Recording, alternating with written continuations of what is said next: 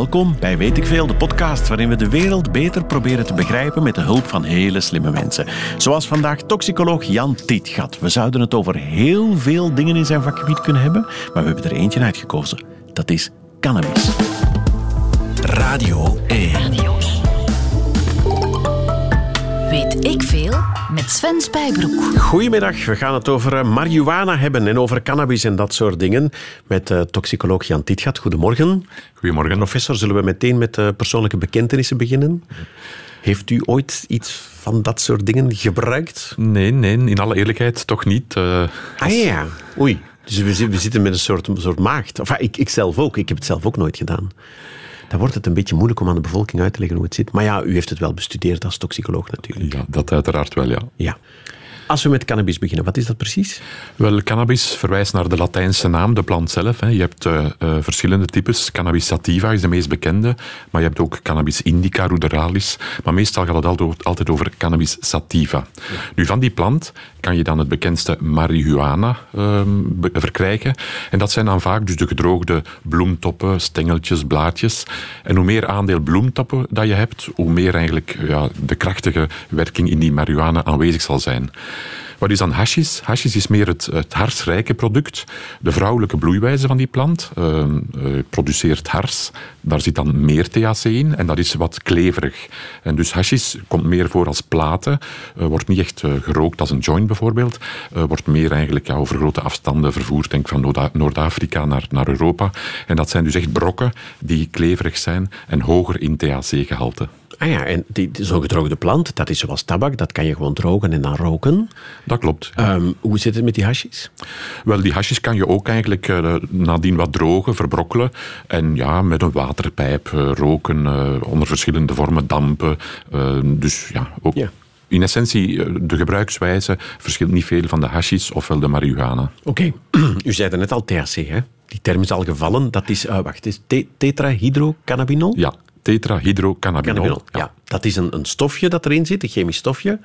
En dat is het wat het verschil maakt, wat het effect heeft, of wat doet het precies? Ja, dus uh, tetrahydrocannabinol, THC, is dus een, een uh, fytocannabinoïde. Dat wil zeggen, dat is een cannabinoïde, een stofje van een grote familie die de plant maakt.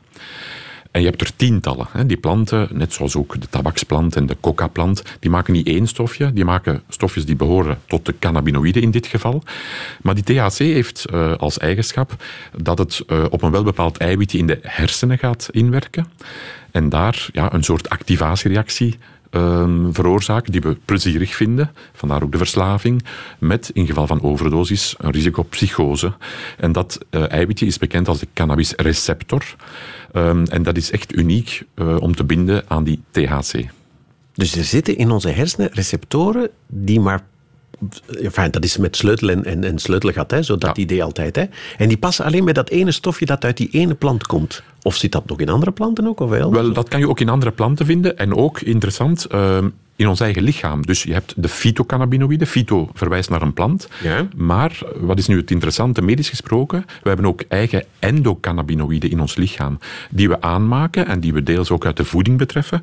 Bijvoorbeeld denk aan chocolade en de verslaving. Ja. Uh, stoffen ook gekend als anandamide. Naar farmacologie zit daar een, een heel mooie parallel in met een fytocannabinoïde uit de plant. En vandaar ook dat men zegt, ja, misschien medisch gesproken is het gebruik hè, onder strikte voorwaarden van dus THC of ook de andere cannabinoïden zoals CBD wel verantwoord. Want die fytocannabinoïden uit de plant doen in principe hetzelfde als de endocannabinoïden die u en ik eigenlijk dagelijks in ons lichaam hebben. Wauw, dus we kunnen onze eigen roesopwekkende middelen maken in ons eigen lichaam. Ja, dat is zo. Dat, dat kan je echt wel zeggen. Bekende stoffen uh, zoals het anandamide uh, zorgen daarvoor. Die geven een zekere rust en, en gevoel van... van Onder toxicologen bekende stoffen.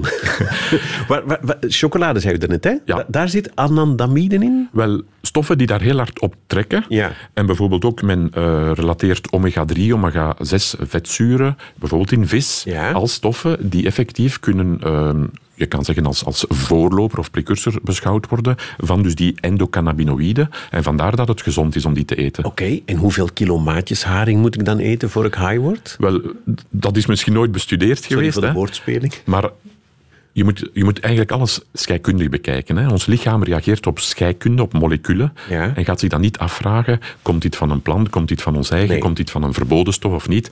Eigenlijk de, de- Als dat stofje maar in die receptor past, Exact, ja. krijg je een soort, wat is dat, in een genotcentrum op een of andere manier? Ja, dus de activatie van die cannabinoïde receptor in de hersenen door THC gaat een cascade van effecten ehm, uitlokken, waarvan ja, in overdosis dus zaken eh, dus zijn die je niet wil hebben, de nevenwerkingen, de psychose, Ja. maar bij een milde dosis ga je als het, leven het, eh, als het ware het leven door de roze bril zien. Je gaat een combinatie hebben van rustgevende, dempende effecten, een beetje in de richting van bijvoorbeeld morfine, maar niet zo sterk, Ja. maar tegelijkertijd ook milde hallucinaties, een beetje in de richting van LSD, maar daar ook weer minder sterk. En die combinatie, een beetje demping, een beetje hallucinaties, is blijkbaar erg gewild, want dat kan dus een, een vorm van eh, antidepressivum zijn. Hè? Dus je hebt een, een druk leven, je wil een keer relaxeren, Ontstressen. ontstressen, en dan gaan mensen inderdaad een joint roken. Ja, ik heb nog nooit een joint gerookt. Eh, ik ben er ook niet van plan eigenlijk. Maar ik heb me ook laten vertellen, als ik mijn eerste joint zou roken, dat die geen effect zou hebben. Dat je een minimum hoeveelheid van die THC moet binnen hebben in je hersenen, voor het eigenlijk begint te werken. Klopt dat?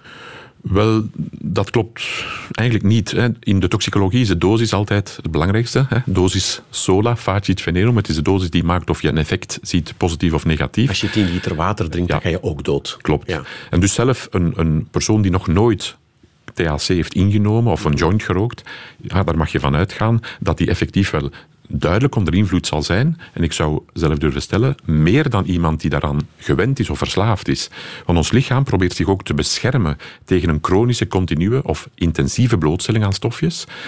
Dat is de essentie van verslaving, waarom bijvoorbeeld een heroïnomaan altijd meer en meer nodig heeft.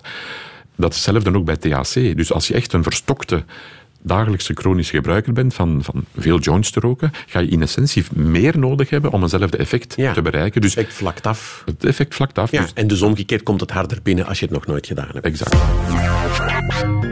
Weet ik Ehm, we zijn hoe lang bezig? 20 minuten. We hebben al voldoende waarschuwingen gegeven. Ja, toch een aantal keer. Hè? U zei psychoses daarnet. Zullen we daar toch maar mee beginnen met, met de gevaren? Want die zijn er wel, hè? De gevaren zijn er zeker en vast. Ehm, het probleem nu is dat een gebruiker, eh, jong en oud, je weet niet eigenlijk wat je aangeboden krijgt. Hè. Dus meestal gaat het over een joint, hè. dat is de meest gebruikte vorm. Ja, die joint, eh, kwalitatief en kwantitatief, je hebt er het raden naar wat daarin zit. Als we kijken naar onze eigen analyses op, op vraag van het eh, gerecht, dus justitie, dan zien we dat dat heel sterk kan variëren. Dus die THC-gehalte, dat gehalte kan gaan van een paar procent, maar soms de neder- en belgoïd, de strafste vormen, ja, dan praat je over 15, 18 procent. En als je dan beginnende gebruiker bent, bijvoorbeeld een scholier die zijn eerste jointjes heimelijk wil roken, Ja. ja, dan mag je zeker zijn dat er toch wel psychoses zullen ontwikkelen. eh, en dat is iets dat je niet wenst. Ah ja, dus het is een beetje alsof je een fles alcohol zou kopen en je weet niet of er 5 of 50 procent alcohol in zit. Ja. Ja. Dus dat is dan het gehalte. Maar het is nog erger dan dat, want je weet zelfs niet of het eigenlijk die, eh, die THC is die daarin zit. Ehm, en bij alcohol, ja, als we een fles, flesje bier drinken of wijn, dan hebben we tenminste de garantie dat het ethanol is en niet de methanol waar we blind van worden. Dus ook alles wat op de markt verschijnt, je moet weten dat er echt rommel bij zit. En je hebt tegenwoordig ook synthetische cannabis die bestaat. En dat zijn echt complexe moleculen waarvan de gebruiker eigenlijk niet goed weet, is dat hier wel de THC waar ik kan op terugvallen? Dus zowel kwalitatief als kwantitatief heb je in de huidige maatschappij, met de huidige regelgeving, toch wel problemen. Ja, weet je niet wat je koopt. Nee. En, als ik de grens overga naar Nederland, is daar wel deftig geregeld? Zodat ik... Wel, algemeen gesproken kan je zeggen dat in, in landen waar een zekere regulering is, dat er inderdaad harm reduction is. Dus je kan dan eigenlijk het probleem beter, laten we zeggen, eh, benaderen. Wat niet wil zeggen dat het probleem weg is. Hè. We moeten ook niet naïef zijn. Maar door een vorm van reguleren kan je inderdaad de, de onbekende factoren die bij die cannabis eh, Ja. aanwezig zijn, een beetje reduceren. Maar daar begint het dus mee. Je weet eigenlijk niet wat je koopt. Nee. Het is alsof je een pil zou bestellen van het internet en hopen dat het een geneesmiddel is. Maar... Klopt. En ook, niet te vergeten, ehm, die cannabis bevat pesticiden hè, en zware metalen, soms bolletjes eh, glas die men eigenlijk daar toevoegt om het gewicht op te drijven. Dus de mensen moeten beseffen dat ze heel wat rommel mee oproken In het beste geval hoop ik dat ze daar niet ziek van worden, Ja. maar de gevaren zijn gewoon te groot. Glas en lood en dat soort dingen. Pesticiden, dat neem ik aan, dat komt van de plantage van ergens uit een verland waar ze niet naar kijken. Ja, Maar- maar, maar ook, ook eh, dus bacteriologisch, hè, dus bepaalde planten, ja, als, als die slecht bewaard worden, vochtige omstandigheden, warme temperatuur, je krijgt daar natuurlijk bacteriën die beginnen groeien. Er kunnen ook virussen aanwezig zijn. Ja, dat wordt allemaal eigenlijk eh, in een eh, sigaret gerold, als een joint gerookt. En men moet beseffen dat je naast die THC effectief heel wat andere potentieel gevaarlijke stoffen toch wel mee oprookt. Ja, maar er zijn wel eens mensen die beweren het is minder gevaarlijk of minder ongezond of verslavender dan roken. Maar het wordt wel gerookt samen met tabak natuurlijk. Dus ik neem aan dat de effecten nog groter zijn. Ja, daar moeten we zeggen, vanaf het ogenblik dat je een natuurproduct rookt, of dat dat nu tabak is of cannabis, is het slecht. Het is het roken die maakt dat je aan verbranding doet van een proces, van een product. Ja. Die verbrandingsproducten kennen we als teer. En in die teer zitten echt heel duidelijk kankerverwekkende stoffen. Ja. Dus het, de vrees en de bezorgdheid naar kanker bij tabak en cannabis is niet zozeer die actieve moleculen nicotine of THC, dat is eerder het rookproces. Dus als we nu praten over zowel recreatief cannabisgebruik of medicinaal, dan is eigenlijk de eerste stelregel die je moet eigenlijk eh, voor ogen houden, rook het niet, maar denk aan een andere gebruiksvorm. Peros, denk aan een cake of denk aan een verstuiver, dat is veel, veel gezonder. Ah ja, dus als je je kinderen van de joints wil afhalen, dan moet je spacecake bakken als verantwoorde Wel, ouder. Dat zeg ik nu ook niet, dat zou wat kort door de bocht zijn, Ja. maar strikt genomen is het gezonder dan roken. Dat, is, eh, dat staat buiten kijf. Ja, maar het is veel moeilijker te doseren ook, hè, geloof ik. Ik heb wel eens brave vrienden gehad die dachten we zullen voorzichtig met een spacecake beginnen. En dat is ook behoorlijk vreemd uitgedraaid, omdat je dan helemaal totaal niet in de hand hebt wat je aan het doen bent. Dat klopt. En een verklaring daarvoor is ook dat uw basisingrediënten, hè, iedereen kokerelt graag, maar als uw basisingrediënten ook weer met een vraagteken zijn. Je koopt wat, laten we zeggen, olie, cannabisolie. Ja. En de, ja, de verkoper zegt, ja, dat is veilig, daar zit zoveel procent in. Ja. Je hebt op dit ogenblik het raden naar... Klopt dat wel? Het kan tien keer sterker zijn. En dan heb je natuurlijk een spacecake die voor beginnende eh, consumenten toch wel effectief ja, duidelijk hallucinaties zal eh, geven. Ja, goed. Los van alle vuiligheid. Hè. Teer en glas en lood en wat is het wat je allemaal nog mee binnenpakt. Stel dat je een zuiver, proper natuurproduct hebt, goed gedoseerd, al wat je wil. Wat zijn dan de effecten nog als je er te veel van gebruikt? Of... Wel, dan moet je kijken ehm, voor THC aan zich. Dat is uiteraard over vele jaren goed beschreven. Dat is een combinatie van dus een gedrags- en bewustzijnsonderdrukking, dus een dempend effect, maar tegelijkertijd ook het opwekken van milde hallucinaties. Dus je gaat het leven effectief door de roze bril zien, wat heel aangenaam is. En als je hersenen percipiëren dat als een snoepje en je wilt inderdaad, ja, die vorm van verslaving, je wilt het opnieuw gaan gebruiken. Het voordeel met eh, een klassieke cannabis, normale dosis, is eh, dat je zelden of nooit een overdosis meemaakt met een acuut overlijden. En daarom zeg ik, cannabis, ik praat het aan niemand aan uiteraard, maar het is ergens wel veiliger dan bijvoorbeeld cocaïne, speed of heroïne, want daar kan je effectief makkelijker een overdosis mee beleven en van sterven. Ah ja, oké. Dus vandaar dat het een softdrug heet waarschijnlijk. Dat is absoluut ook weer Je correct. hebt een redelijke Ja. kans om het te overleven. Ja, ja. Ja, oké. Maar ik herinner mij, ik heb wel eens Karel Michiels eh, geïnterviewd. Dat is een groot voorstander en een eigen zeggen gebruiker van cannabis. Hij heeft er ook een boek over geschreven in der tijd. En die zei, toen hij, toen hij bij ons in de studio zat, van al wat je wil, ik ben heel erg voor pro-legalisering en zo, maar onder de 18 doe het niet. Het is echt gevaarlijk als je hersenen nog niet ontwikkeld zijn. Ja, daar is zeker en vast iets voor te zeggen. Ehm, vanaf welke leeftijd we het eventueel zouden kunnen toelaten of moeten blijven verbieden, ja, dat is een kwestie, ja, dat is een discussie. Ja. Sommigen zeggen 16, 18. Ik zou zeker niet onder de 16 gaan, hè, want er zijn inderdaad toch wel mooie studies dat wat eh, orgaanuitgroei betreft en tot een volwassen stadium komen, dat je minstens 16 moet zijn. Maar het risico is als je, en dat is nu een beleidsopmerking die ik maak, als je die eh, leeftijd heel hoog gaat zetten, ja, dan heb je daar een, een subpopulatie, jongeren dus, die het heimelijk gaan beginnen gebruiken. Dus je moet daar ook, vind ik, een soort consensus zoeken die maatschappelijk aanvaardbaar is. Ja, en wat had u gedacht qua leeftijd? Wel, 18 voor mij is, is zeker en vast Ja. eh, een, een goede middenweg. Ja, bij, hem, ging- bij hem ging het erom, je hersenen moeten volgroeid zijn, op een of andere manier. Ja. want anders riskeer je er net zei, het woord is al een paar keer gevallen, psychoses, hoe moet ik mij dat voorstellen?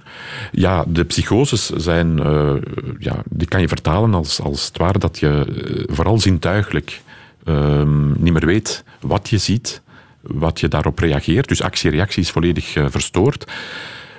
En, Maar wat is dat dan? Hoor je stemmen, zie je dingen, komen er monsters en beesten op je af? Of, of is dat voor iedereen anders? Of... Dat zal zeker voor iedereen anders zijn, maar zoals u het verwoordt, klopt dat. Hè. Dat gaat in de richting van LSD.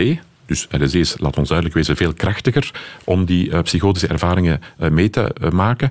Maar naast die zintuigelijke ja, verstoringen ga je ook duidelijk periodes hebben van angst. Angstgevoelen, paranoïde gedraging, je vertrouwt niemand niet meer. En dat ja, compromitteert toch uiteraard ja, een gewoon, eh, gewone werking in de maatschappij. Ja, zo kan je niet in de klas zitten, dat is wel duidelijk. Inderdaad. Maar eh, als, als het dan uitgewerkt is, het hele spul, is dat dan voorbij? Of, of kan dat gevolgen hebben die blijvend zijn? Dat hangt een beetje af van de dosis. Als je nu eh, het ongeluk hebt gehad, als beginnende gebruiker zo een Neder- of Belgowiet geroken te hebben, en daar zat heel veel THC in, dan kan die THC, net zoals LSD, een soort blijvende imprint gegeven hebben in je hersenen. En je kan daar de komende weken dan zeggen, wel mee omgaan, maar op een bepaald stressmoment kan, bij wijze van flashback noemt men dat, Ja. die onaangename ervaring terug hè, de kop opspelen. En dat is natuurlijk gevaarlijk, want stel dat je in het verkeer bent, je hebt hè, een week of twee geleden zo een, een sterke joint gerookt, ja, met verkeersagressie dat we allemaal kennen, hè, het kan zich voordoen, en dan kunnen zo'n chauffeurs plots ja, onverwachte, exuberante eh, reacties eh, vertonen. En terug een psychose krijgen. En terug een psychose op dat ogenblik, ja, op dat moment. Ah ja, want als je zegt een imprint in de hersenen, dat klinkt als hersenbeschadiging. Hè? Dat er op een of andere manier echt wel fundamenteel iets veranderd is in je Ja, hersenen. dat kan zijn. Eh, dat is zo, bedoel ik. En die imprint die kan bij sommige mensen blijvend zijn. Bij anderen gaat dat met een langzaam, laten we zeggen, tijdsverloop eh, wat, wat afvlakken en verdwijnen. Dus niet iedereen eigenlijk ja, is, eh, laten we zeggen, is zijn lot bezegeld voor de rest van het leven. Maar Ja. we moeten daar toch echt voor waarschuwen. Ja. En het is dus voor iedereen anders. En dat maakt het ook weer net zo moeilijk. Je weet niet wat je neemt, je weet niet wat het effect gaat zijn. Het kan heel erg fout gaan. Het kan ook heel erg goed gaan een hele tijd. Ja, dat klopt. Hè. Dus een mooie parallel zie ik daar met alcohol. Als iemand echt acu dronken is, dan zijn er mensen die, die in slaap vallen, hè, die rustig zullen zijn, die hun roes uitslapen, letterlijk. Ja. Hè. Maar er zijn er ook die zeer agressief worden. Dus daar zie je ook, die stofjes die met onze hersenen iets doen, dat kan soms heel, heel individueel afhankelijk zijn. De mensen kunnen al of niet vatbaar zijn. Genetisch zijn er ook eh, verschillen. Dus we moeten daar inderdaad in die zin mee opletten. Ja, en ik heb ook wel eens van experts gehoord dat alcohol ook heel ongezond is. Hè, en ook je hersenen echt wel kapot maakt. Dat is zeker en vast zo. Hè. Ehm, ik denk niet dat het echt nodig is dat we moeten pleiten voor een nultolerantie op elk moment in ons leven. Ja. Ik denk, als je echt iets wil vieren en je drinkt het eh, met mate, dat het nog kan voor alcohol. Ehm, maar wat cannabis betreft, als je rookt, daar mag je zeggen, van de eerste joint die je rookt, ben je eigenlijk slecht bezig en is dat echt bewezen nadelig voor de gezondheid. Drink je af en toe eens verantwoord een glaasje alcohol, dan ben ik daar meer eigenlijk eh, positief tegenover. Waarom is het van de eerste ongezond? Om, omwille van het feit dat het kankerverwekkend is? Ja, dat roken. Hè. Kan ik van die eerste joint meteen kanker krijgen als ik pech heb? Wel, op individuele basis is dat nooit aan te tonen of te bewijzen, maar eh, de kans hè, dat je daar een enkele longtumor van ontwikkelt, ja, die bestaat, die is groter dan een niet-roker. Ja, oké. Voorzorgsprincipe is het dan zeker, hè? Ja. Blijf er gewoon af. Weet ik veel? Professor Tietgat, ehm, interessante mail van iemand, eh, ik denk dat het anoniem is, ja, je zal het zien. De waterpijp. Hoe zit het daarmee? Hij zei net, als je, als je cannabis en een joint rookt, dat is roken, dat is met teren, dat is ongezond. Is de waterpijp het gezonde alternatief? Nee, toch niet. Hè. De, de waterpijp zit zo ergens tussenin. Als ik het vergelijk met een verstuivertje bijvoorbeeld, Ja. en het roken, dan zal de waterpijp er tussenin zitten. Ehm, Voor de leken zoals ik, de waterpijp, dat is een blokje hash in water. ja, en dan ook door ergens verwarming. Opwarmen, dan krijg je Ja, damp en die damp ja. adem je in. Ja. En het is geweten dat die damp toch ook wel heel veel eh, stoffen bevat die farmacologisch werken. Dus je praat niet echt over teer. En het risico op kanker zal, of longkanker zal kleiner zijn, dat is evident. Dus het is in die zin minder ongezond. Ja. Maar ehm, je kan niet zeggen dat je dan een gecontroleerd bijvoorbeeld de dosis gaat binnenkrijgen, omdat je doet een, een extractie als het ware van de inhoud van die cannabisplant. En die extractie is zeer efficiënt, dus dat zit werkelijk vol, vol met farmacologisch actieve stoffen. Ehm, en als ik dan zeg dat een spray gezonder is, dan bedoel ik een spray, zoals die ook trouwens op de markt is, hè, denk aan Sativex bijvoorbeeld, waar gecontroleerd ehm, één of twee cannabinoïden in zitten met nog wat terpeenachtige stoffen. Eh, en dat kan je dan eigenlijk als een geneesmiddel beschouwen. Dus de waterpijp, iets minder ongezond, dat klopt, maar Ja. het zit ergens tussenin. Maar niet echt een aanrader. En wat, wat zei u daar? Sativex? Ja. Dus dan, Nu zijn we reclame aan het maken hè, op de openbare. Wat is dat voor iets? Is dat iets dat je bij de apotheker kan kopen? Ja, inderdaad. Nu, er zijn verschillende uh, reeds uh, ja, merknamen op de markt wereldwijd van producten die dan uiteraard, laat ons duidelijk wezen, niet recreatief uh, bedoeld zijn, maar in de klasse vallen van de medicinale cannabis. Ja. En in België bijvoorbeeld actueel is dat toegelaten, uh, mits een voorschrift van een arts. Wanneer je bijvoorbeeld MS-patiënt bent, hè, multiple sclerose, en je hebt spierspasme, dan uh, kan zo'n preparaat inderdaad nuttig zijn om die spasme te gaan controleren. Oké, okay, en dat is die beroemde medicinale cannabis die onder de laatste jaren, twee, drie jaar geweldig in opmars is. Daar is een hele discussie over. Dat mag bij ons, maar ik moet een doktersvoorschrift hebben. Ja, dat klopt. Uh, je moet een uh, voorschrift hebben van een arts. En het wordt enkel terugbetaald op dit ogenblik, dus voor MS-patiënten met duidelijke spierspasme. Ja, en dan heb ik een product waarvan ik wel weet, daar zitten geen pesticiden in, daar zit geen lood en geen glas in. En, ja, en dan praat je over een geneesmiddel. Hè? Ja. En daar ben ik absoluut voorstander voor, of van omdat als je de analogie maakt bijvoorbeeld met morfine en cocaïne, hè, dat zijn dan de harddrugs, ah, ja. die gebruikt men ook in een ziekenhuismilieu. Die kan je ook bij de apotheker kopen. Ja, ja. en ga je naar een neus, keel en ooronderzoek, dan krijg je vaak een cocaïne, verdovend mengsel. In de pijnkliniek op geriatrie wordt morfine gebruikt en daar stelt men eigenlijk zich geen problemen bij. En zeg ik, ja, als je medicinale cannabis echt formuleert als een geneesmiddel, dan heeft dat zeker en vast ook voor bepaalde aandoeningen, niet voor alle, laat ons duidelijk wezen, maar voor bepaalde ook zijn nut. Ja, onze eindredacteur Marc Toussaint die heeft een veldonderzoek gedaan. Die is vanmorgen in Brussel naar een weedshop geweest. Waar, hmm, moet je het zeggen, toch de indruk gewekt wordt dat hij iets dergelijks zou kunnen kopen. Hij heeft een flesje gekocht. Ja. Uh, ik weet niet, heeft u een spectrograaf meegebracht? Uh, Om nee. te analyseren, dat is een grote machine wat u nodig heeft. Hè? Uh, er staat op 20%, maar er staat dan niet op 20% van wat. Uh, en dat je het niet mag uh, roken en ook niet mag opeten. En dat het alleen geschikt is voor kaarsen. Huile pour bougie staat erop. Hij heeft daar god beter 80 euro voor betaald. Maar hij weet zelf niet wat hij gekocht heeft. Wat, wat, wat zou dit moeten zijn? Heeft u enig idee? Wel ja, laten we zeggen, dat is 80 euro weggegooid. Hè. Um, die etikettering, ja, dat is natuurlijk zeer amateuristisch. Dat is inderdaad hè? waar. Dat is gewoon uit de printer en met een plakbandje ja. erop geplakt. Ja. Naar alle waarschijnlijkheid bedoelt men 20% CBD. En wat is CBD? Dat is eigenlijk een, een broertje en zusje van die THC. Hè. Dus CBD is cannabidiol, ja. is ook een cannabinoïde die de plant maakt. En uh, die stof heeft als eigenschap dat het ook weer op een eiwitje gaat inwerken, maar nu op een andere receptor die in perifere organen vooral tot expressie komt. Dus niet in de hersenen. En dus wat, dat, wat zijn perifere organen? Armen en benen? Of? Inderdaad, ja. De ingewanden, de spieren, de lever, de nieren. Dus alles buiten het centraal zenuwstelsel. En vandaar die hype. En, ook, ja? en wat, wat, doet dat daar? Want wel, in de hersenen, je genotcentrum prikkelen en een beetje hallucineren en zo, snap ik. Maar... Ja, dat gaat daar vooral het uh, immuunsysteem het pijnmodulerend systeem beïnvloeden. Ja? Dus um, ontsteking uh, tegengaan. Ja? En vandaar de hype medicinale cannabis met CBD, dat men daar eigenlijk veel hoop uh, in heeft om bepaalde ziektebeelden juist te gaan verhelpen. Ah, Oké, okay. dus dat stofje, die CBD, wat vermoedelijk, hopelijk, moeten we ook bekijken, hierin zit, dat zit ook in die dingen die je bij de apotheker kan kopen. En dat uh, is hetgene wat, wat pijn stilt en spasmen tegengaat. En, en... Ja, maar er is wel een maar, uh, waar men misschien tien jaar geleden dacht dat het CBD alleen was, die ja, de job zou kunnen doen, ja? is men ervan teruggekomen. En om een echt uh, farmacologisch uh, geneesmiddel te hebben, weet men nu dat je de combinatie moet hebben. Dus je moet een cocktail hebben van een beetje CBD en een beetje THC, ongeveer evenveel aanwezig. Liefst ook nog wat terpenen, dat zijn een andere klasse van moleculen die in de plant zijn. En als je dat goed kan formuleren, en ik zelf zou het bijvoorbeeld doen als een spray, dus niet roken, maar als een spray, dan kom je effectief tot een soort gecertifieerd geneesmiddel ja. dat altijd eigenlijk op eenzelfde manier kan aangemaakt worden. En dat inderdaad volgens mij voor een aantal uh, ziektebeelden kan helpen. Ja, maar hier zit dus uh, CBD in volgens u, ja. 20%. En, en er mag geen THC in zitten. Hè? Nee. Want dat is gewoon, ja, dat is verboden. Hè? Ja. Bij wet. Uh, wat zou dit moeten doen? Wel, dit gaat volgens mij niets doen. Hè. Dus, ja. U heeft gelijk, ja. Ja. Hij heeft het uitgeprobeerd. Twee druppels op zijn tong en, en Ja, ja, dus- niks. Dat is 80 euro weggegooid. En uh, medisch gesproken snappen waarom dat het niks doet. Hè. Dus als daar nu ook een beetje THC had bij ingezeten, Ja. dan had dat wel farmacologisch, farmacologisch actief geweest. Maar daar botsen natuurlijk die weedshops nu tegen een aantal muren van regelgeving. En er zijn er eigenlijk drie. Hè. Dus je hebt naar justitie en de drugwetgeving zoals u terecht zegt, ja, er mag niet meer dan 0,2% THC in zitten. Of justitie beschouwt dat als een drug. Ah ja, dus 0,2% Maar- mag. En anders is het Ja. een druk, maar dat is Ja, dus niks. Hè? Dat is dus niks, nee. Nee. En men uh, heeft daar als uh, bedoeling dat de hennepplant, hè, zoals we het op zijn Nederlands zeggen, de hennepplant, dat is een cannabisvariëteit met heel, heel weinig THC. Dus je kan die effectief ook zo cultiveren en kweken.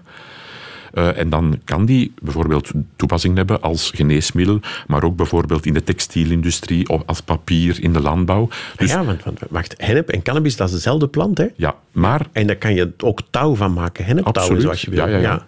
Ja. En ook hier, hè, we zijn hier bij de VRT, dus de naam Canvas, hè, als we denken aan de televisie, de naam Canvas komt van de cannabis sativa. Dus wanneer men vroeger... Nee, nee, nee, nee, nee. Canvas, dat is gewoon schildersdoek. Hè? Schildersdoek, maar het doek werd dus gemaakt van de stengels van de cannabisplant. Ah, Zo moet je het van zien. hennep, hè. ja. zoals het touw. Oh, god zeg. Ja. Weet ze dat bij Canvas? Ja, dat weet ik niet. Hè. Ja, dat, uh... okay.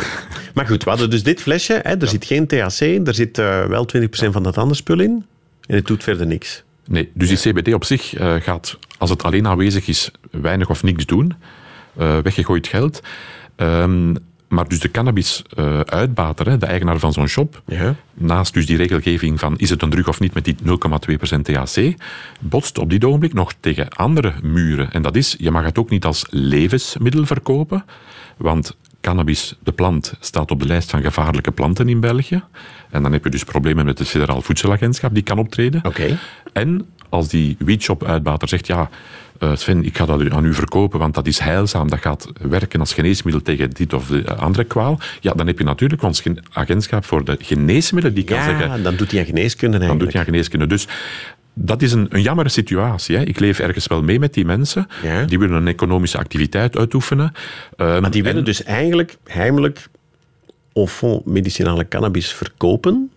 Maar dat mag helemaal niet. Nee. Ze mogen het zelfs ook niet luidop zeggen. Dat klopt. En, ja. Ja, en u zegt, uh, als u nu zegt dit gaat helemaal niet werken, is dat omdat 20% te weinig is? Van die, wat is het daar? CBD? Van de CBD. Gesteld dat dat erin zit, Ja, want dat weten ja. we dus niet. Nee, die 20% is zelfs veel. Ah, ja. Uh, ja. Um, de ideale formule, als je het mij nu vraagt, is zelfs maar 5 of 6% van dat CBD, maar ook 5 à 6% THC. Ja. Meng dat, voeg daar wat terpeno, terpenen of terpenoïden, en dat zijn die andere klassen van die stof uit de plant. Uh, formuleer dat als een verstuiver. En dan heb je volgens mij het best mogelijke werkzaam geneesmiddel Ja, op dit ogenblik. Als ik het goed begrijp, is uw advies, als je het nodig hebt, ga gewoon naar de huisdokter en die verwijst je wel door naar de apotheker. Ja, dat moet eigenlijk een stelregel zijn. En daar vind ik ook in België dat we het wiel niet moeten heruitvinden. Ik bedoel, je hebt nu al heel mooie draaiboeken. Denk aan Canada, denk aan Australië, waar men medicinale cannabis hè, propageert, maar nooit als een eerste lijnsproduct. Dus dat wil zeggen, heb je last van pijn, heb je last van migraine, heb je last van spasmen, ga naar een arts. Als die arts een diagnose stelt, probeer het eerst uh, te verhelpen met de klassieke geneesmiddelen. Maar als dat niet helpt, heb je echt de legitimiteit om naar cannabis over te schakelen. De arts die het dan voorschrijft voor een breder patiëntengroep dan MS-patiënten alleen. Ga naar een apotheker, die heeft dan toch wel de kennis om het eigenlijk op een uh, correcte manier af te leveren, zodat het een betrouwbaar preparaat is. En dan zijn we eigenlijk van heel die ja, miserie vanaf dat mensen nu, ook hier in Vlaanderen, in de illegaliteit dikwijls naar Nederland moeten gaan om wat olie te kopen, niet weten wat daarin zit. Ja. En dan heb je van die verhalen van sommigen die zeggen, ja, het werkt bij mij, het werkt niet. En dat dient wetenschap natuurlijk niet. Hè. Nee. Um, mijn mailbox zit inderdaad dagelijks vol van mensen die om hulp roepen van kijk, die en die persoon in de familie hebben eigenlijk wel baat aan dit product. Kunt u ons helpen? Zeg, ja, ik ben geen beleidsmens, maar we hebben effectief nodig nood aan een, aan een goed kader, zodanig dat, mits hè, de tussenkomst van een arts en apotheker, deze uh, stoffen als geneesmiddel, dus uh, medicinaal cannabis, Ja, ja, effectief goed Zeg, stel dat ik iets gekocht heb ergens. Hè. Ik ben wanhopig, iemand van mijn familie, een kind heeft het nodig en je koopt iets in Nederland. Ik weet niet helemaal zeker en ik wil een verantwoorde ouder zijn. Kan ik iets naar u opsturen, naar uw labo van de KU Leuven, om te vragen, professor Tietga, kijk er eens even naar. Wel, in principe kan dat. Hè. Dus uh, wij doen weliswaar dagelijks analyses vooral voor het gerecht. Hè. Dus we zijn een, een gerechtelijk toxicologisch labo. Mhm. Mm -hmm. En in recent verleden is het inderdaad zo dat in verschillende Vlaamse steden de politie op vraag van een parketmagistraat reeds op stap geweest is. Ja, dus ik moet om... eerst opgepakt worden en dan nee, kan u het analyseren. Dat bedoelen we nu ook niet, maar um, we helpen als het ware de maatschappij via uh, verschillende parketten in het land om te monitoren wat er bezig is. En samenvattend kan je zeggen, zonder details te, te vermelden, dat er inderdaad gelukkig een aantal producten in die weedshops conform zijn, gelukkig maar. Mhm. Mm -hmm. Maar dan moet de uitbater en de verkoper wel goed opletten wat hij of zij market, hè, wat hij daarover zegt. Maar helaas zijn er ook wel producten die absoluut niet conform zijn en waar men dan eigenlijk zwaait met een certificaat uit, een, uit het buitenland bekomen. Een certificaat dat het wel in orde zou zijn, dus minder dan 0,2% THC bevat.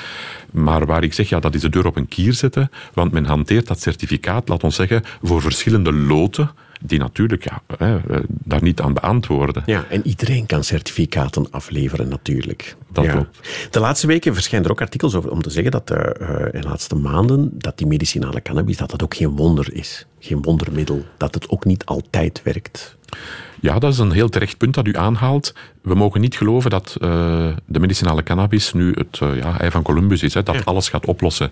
Als je kijkt naar de verschillende ziektebeelden, kan je een hele mooie gradatie maken van uh, welke wetenschappelijke studies een goede bewijswaarde hebben en omgekeerd.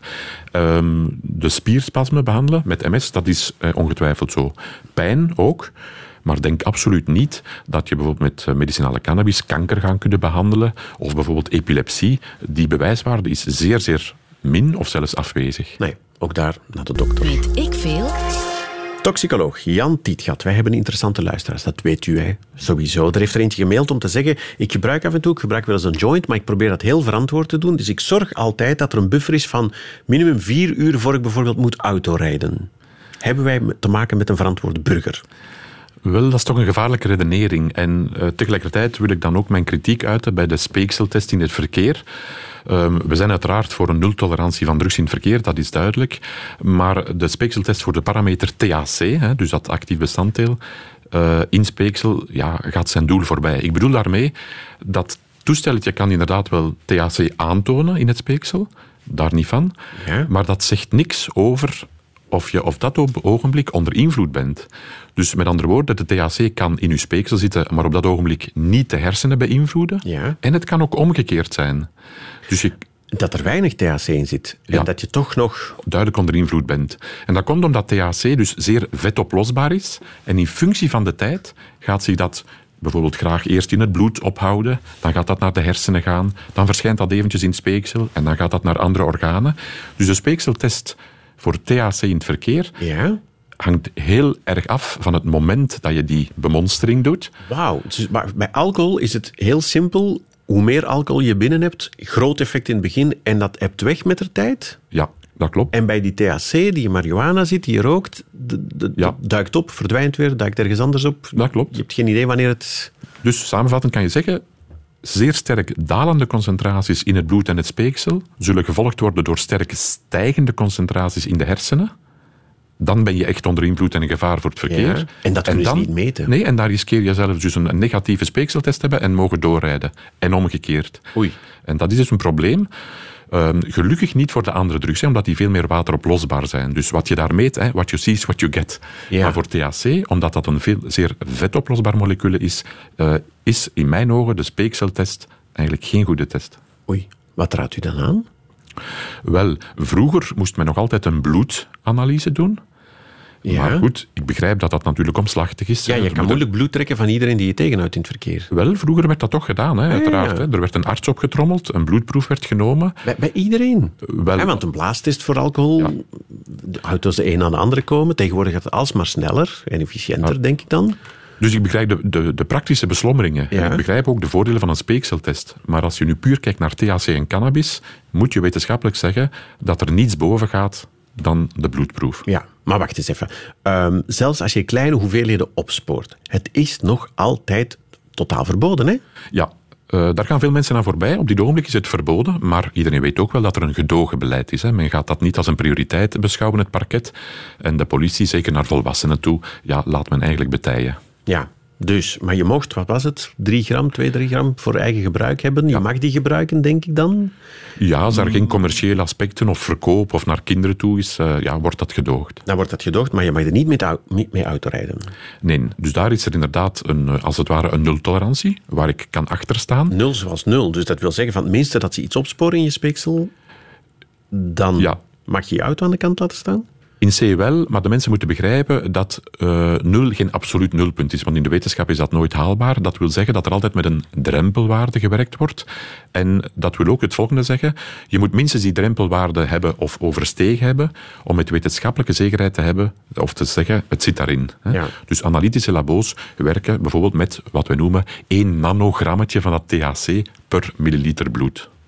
Nano, dat is heel weinig, hè? Dat is inderdaad heel weinig. Hè? Vandaar dat ik zou zeggen, opgelet, uh, mensen die in de weekend bijvoorbeeld cannabis gebruiken, pas heel hard op als u een maandagmorgen een voertuig bestuurt, want met een speekseltest kan het wel eens zijn dat u positief test en waar u dan, onder, waar u dan eigenlijk kan zeggen, ja, ik ben verbaasd, want ik, ben, ik voel ja, me toch niet onder invloed. Hè? Ja, en dus die vier uur is niet genoeg om het helemaal uit je systeem te hebben. Wel, ik zou zeggen, het is toch wel echt riskant. Ja. Ehm, kan, je, kan je heel lang het effect opsporen? Of het feit, als, als ik mijn kinderen, als ik wil weten of ze vorige maand iets gerookt hebben, kan ik dat weten op een of andere manier? Ja, op twee manieren. Dus THC heeft misschien het voordeel naar uh, detecteerbaarheid dat het heel lang in de urine aantoonbaar is. Uh, dat kan gaan één, twee weken. Dat zijn dan wel wat wij noemen metabolieten van die THC, maar die zijn mooi aantoonbaar. Zijn dat afbraakproducten? Dat zijn ergens afbraakproducten die door onze lever zijn aangemaakt. Mhm. En als je dat vergelijkt bijvoorbeeld met cocaïne, dat is dag en nacht verschil. Cocaïne verdwijnt met andere woorden heel snel uit het lichaam, uit het bloed, uit de urine. THC, dat... Hè, uh, dat ah, ja. Gelieve mijn kinderen niet op ideeën te brengen, hè, wat dat betreft. Goed, uh, nu we het toch over cocaïne hebben. Er, er is een uh, professor Tom de Korte van de Universiteit in Gent. Ik heb die ook wel eens te gast gehad en die hield een pleidooi voor de volledige legalisering. Zeker van softdrugs, maar zelfs van harddrugs. Wat denkt u? Als ik u bezig hoor, denkt u, ja, dat systeem via de apotheker... Maar ja, maar nu is het nog om medische redenen natuurlijk, hè? Wel, we praten dan echt over recreatief gebruik. Ja. Hè? Zou u dat toelaten of denkt u dat dat een goed idee is? Als ik daar een theoretisch antwoord eerst op mag geven, in de ideale wereld ja, dan heb je eigenlijk voor niks nog reglementen nodig. Dan moet je ook je fiets niet op slot zetten. Dan reken je als het ware op het gezond verstand van de burger. Nee, maar nee, nee, sommige mensen... dan wordt dat net heel erg gereguleerd en dan wordt dat nagekeken en dan, dan kan je een product krijgen waarvan hey, uw grote angst van het is niet zuiver, je weet niet wat erin zit. Maar ik bedoel alles legaliseren. Dus alles legaliseren, alle harddrugs, alles. Er zijn ah, geen, ja. geen, Nee, nee, nee. Hij bedoelde eigenlijk legaliseren, maar onder voorwaarden. Ah, via, via de dokter eventueel, via de, uh, de, huisarts of de apotheker. Nee, ik stop daar toch ook bij, bij cannabis omdat vanuit medisch oogpunt het grote verschil voor mij tussen bijvoorbeeld cannabis en cocaïne is um, die overdosis en het risico van effectief direct te overlijden. Bij cocaïne krijg je met andere woorden geen tweede kans. Bij cannabis is er nog nooit iemand overleden aan een overdosis. Dus voor cannabis zou u denken om het toch te legaliseren? Ja, en dan vind ik ook beleidsmatig dat er meer consequentie in het verhaal zit naar tabak en alcohol waar het gerust strenger mag. En bij tabak hebben we dat al gezien. Hè. Vroeger mochten u en ik nog roken in een vliegtuig enzovoort, op, op café. Dat mag allemaal niet meer. Um, dus daar is een verstrenging aan de gang. Je ziet trends in de maatschappij. Voor alcohol naar het verkeer en kinderen mogen we zeker ook nog strenger zijn. Maar ik zou zeggen, laat dat convergeren. Wees dan voor cannabis iets milder. En dan kan je die drie genotsmiddelen ergens gereguleerd zien. Ik zeg niet compleet legale genotsmiddelen. Er moeten natuurlijk toeters en bellen zijn waar de overheid effectief op toeziet. Maar dan heb je meer een consequent beleid dat iedereen ook uh, begrijpt. Ja, ja. Dus, dus je zou eigenlijk, uh, wat is het, alcohol en sigaretten en, en cannabis in al zijn vormen op één lijn zetten en behandelen, omdat het hetzelfde soort gevaar is? Qua verslaving bijvoorbeeld, zijn ze even verslavend? Of? Nee, daar zijn duidelijk verschillen. Hè. Ja, je hoort mij niet zeggen als toxicoloog dat nicotine THC is, dat is duidelijk. Uh, misschien is THC gevaarlijker naar psychoses. Het puur verslavend aspect ja, is dan ook weer bij nicotine misschien gevaarlijker. Ja. En als je denkt aan alcoholisme, ja, dan moet je eigenlijk ook zeggen, mocht alcohol vandaag als moleculen uitgevonden worden, het zou nooit op de markt geraken. Want we kennen allemaal natuurlijk problematisch drankgebruik, uh, dus, dus de verslaving en alle maatschappelijke uh, fenomenen. Maar waarom pleit ik toch voor een zekere regulering, inclusief voor cannabis? Omdat u moet weten dat het nu dweilen met de kraan open is. Dus er is een federale beleidsnota sinds meer dan 15 jaar, maar die blijkt niet te werken. Dat wil zeggen, er zijn oncontroleerbare illegale kanalen, er zijn geografische verschuivingen. Als Nederland zegt, ja, we gaan daarop inzetten, ja, dan komen de problemen eigenlijk, hè, de fameuze cannabisplantages, naar Vlaanderen overgewaaid. Um, er zijn grote financiële middelen van de aanbieders, dus dat is allemaal een zwarte markt die floreert, waar ook gebruikers in aanraking kunnen komen met malafide figuren die dan de jongeren de volgende week iets anders aanbieden dan bijvoorbeeld cannabis. En budgetair is dat dus niet vol te houden. En ook al besef ik dat een regulering uiteraard het probleem niet 100% uit de wereld zal helpen, toch uh, menen we dat het een vorm van harm reduction is. Dus je probeert eigenlijk een model te hanteren dat de nadelen, zowel voor het individu als de maatschappij, zo klein mogelijk houdt. Ja, en niet budgetteerbaar, dat bedoelt u de nadelen van dat hele illegale circuit opvangen en alle gezondheidsproblemen en zo die dat veroorzaakt. Klopt, en heel het justitieapparaat, politieoptreden, deskundigenonderzoek, gevangenis enzovoort, dat kost ons enorm veel geld. Ja, denkt u dat het enige kans maakt? Bij de volgende regering? Wel, uh, ja, u hebt de naam van mijn collega Tom de Korte uh, al vernoemd. We hebben samen ook met collega Paul de Grauwe, de econoom, daar een boek over geschreven. En ik moet zeggen, um, ja, een aantal politieke partijen, vooral de jongere afdelingen, uh, gaan wel mee in dit verhaal. Ja. Maar goed, het staat niet... Hè, okay, we zitten nu in een demissionaire regering. Het stond niet in het regeringsakkoord. En op basis daarvan hebben eigenlijk de traditionele partijen gezegd: nee, voor ons is dat geen gespreksthema. Ja. En voor de volgende regering, dat zal nog moeten blijken natuurlijk, of dat er uiteindelijk van komt. Goed, um, 15 seconden. Om toch nog maar even te zeggen: blijf er maar af. Zeker en vast. Echt uh, ongezond, hè? Ja, ja, dat moeten we stellen. Professor, ik vind dat u genoeg tijd heeft gehad. Professor Tijdgat, toxicoloog van de KU Leuven. Dank u wel. Radio 1. Weet ik veel? Tot zover. Jan Tiet gaat over cannabis en alweer een aflevering van uh, de podcast van Weet ik Veel. Er zijn er nog veel andere, allerlei onderwerpen die je kan beluisteren. En we hebben natuurlijk op radio1.be ook een hele hoop andere hele interessante podcasts. Als ik van u was, ik zou er zeker nog eentje uit kiezen.